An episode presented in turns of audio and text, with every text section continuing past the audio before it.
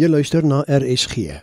Die vroegoggendgedagte word vandag aangebied deur Dr. Thomas Dreyer van die Gereformeerde Kerk Randburg en Cross Culture Church. Goeiemôre, vriende. Ons is steeds besig met Markus 7 vers 31 tot 37. Luister opnuut weer na hierdie gedeelte. Jesus is weer uit die gebied van Tyrus weg en deur Sidon na die see van Galilea. Hy is in die gebied van die Dekapolis. Die mense bring toe 'n dowe man wat ook in spraakgebrek het na hom toe en vra hom om tog sy hand op hom te lê. Hy het hom eers eenkant toe gevat weg van die mense af. Toe het hy sy vingers in die man se ore gesteek en spoeg aan sy tong gesmeer. Daarna het hy na die hemel toe opgekyk en gesig en vir hom gesê: "Efata," dit beteken gaan oop. Sy ore het dadelik oop gegaan. Die belemmering van sy spraak het verdwyn en hy het reg gepraat. Jesus het die mense belet om dit vir iemand anders te vertel, maar hoe meer hy hulle belet het, hoe meer het hulle dit verkondig. Hulle is geweldig aangegryp en gesê alles wat hy doen is goed. Die dowes laat hy hoor en die stommes laat hy praat. Ons fokus is vanmôre op vers 32 tot 33. Die mense bring toe 'n dowe man wat ook 'n spraakgebek het na hom toe en vra hom om tog sy hand op hom te lê.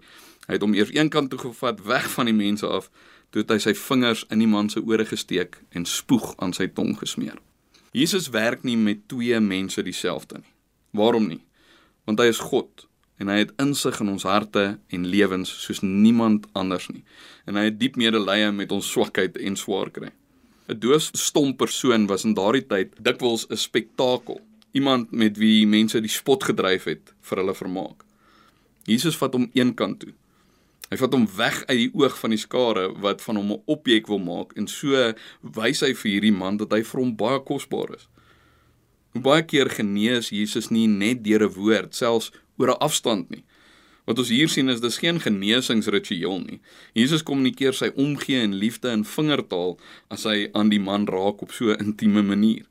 Hy ken my en jou ook so, deur en deur. Jy hoef nie voor te gee nie.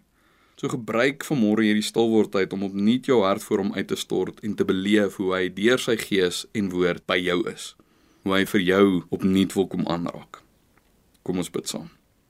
Here baie baie dankie dat u ook vir my kom opsoek op 'n intieme en 'n persoonlike manier. Ek wil vanoggend net opnuut met u deel wat in my hart en my lewe aan die gang is. Dankie dat ek weet u is hier by my. Amen. Dit was die vroegoggendgedagte hier op RSG, aangebied deur Dr. Thomas Dreyer van die Gereformeerde Kerk Randburg en ook Cross Culture Church.